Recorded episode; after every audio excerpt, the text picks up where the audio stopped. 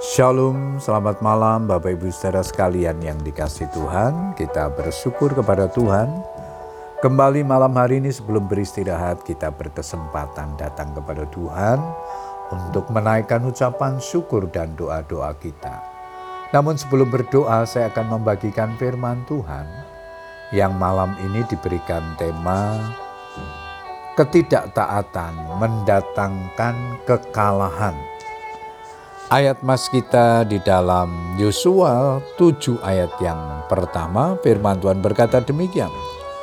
Tetapi orang Israel berubah setia dengan mengambil barang-barang yang dikhususkan itu.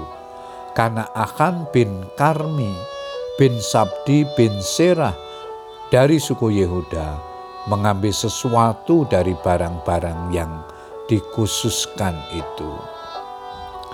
Di bawah kepemimpinan Yosua, bangsa Israel berhasil menaklukkan kota Yeriko yang sangat kuat karena mereka taat melakukan apa yang diperintahkan oleh Tuhan. Namun saat melawan kota Ai yang jumlah penduduknya lebih sedikit, bukan kemenangan yang mereka raih, sebaliknya orang Israel kalah dan menjadi pecundang. Mereka melarikan diri di depan orang-orang Ai. Sebab orang-orang Ai menewaskan kira-kira 36 orang dari mereka. Orang-orang Israel itu dikejar dari depan pintu gerbang kota itu sampai ke Sebarim dan dipukul kalah di lereng. Apakah yang sebenarnya terjadi? Kekalahan yang sangat melakukan, memalukan ini terjadi sebagai akibat dari ketidaktaatan orang-orang Israel terhadap perintah Tuhan.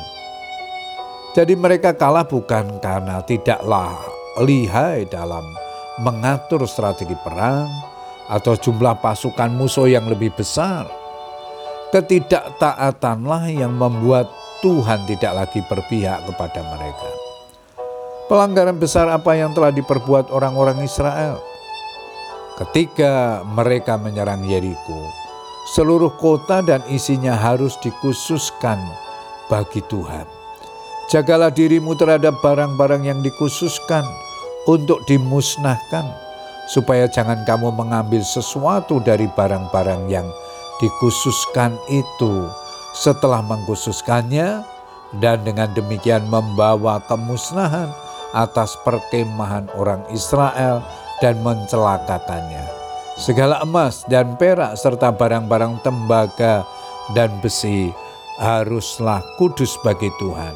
Semuanya itu akan dikhususkan di dalam perbendaharaan Tuhan.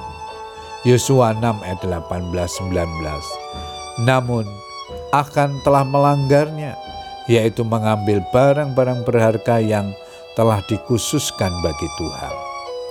Bapak Ibu Saudara sekalian, ketidaktaatan akan ini bukan hanya mendatangkan kekalahan Israel, tetapi juga murka Tuhan atas dirinya dan keluarganya.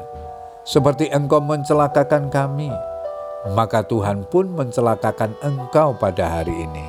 Lalu seluruh Israel melontari dia dengan batu. Semuanya itu dibakar dengan api dan dilempari dengan batu.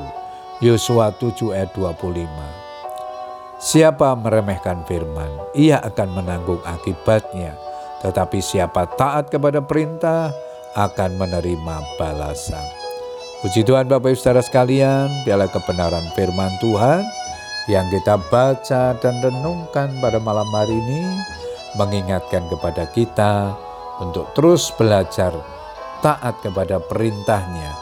Jangan melanggar perintahnya, karena ketidaktaatan itu akan mendatangkan murka Allah dan kekalahan dalam hidup kita. Puji Tuhan, kiranya Roh Kudus memampukan kita menjadi pelaku-pelaku firman-Nya.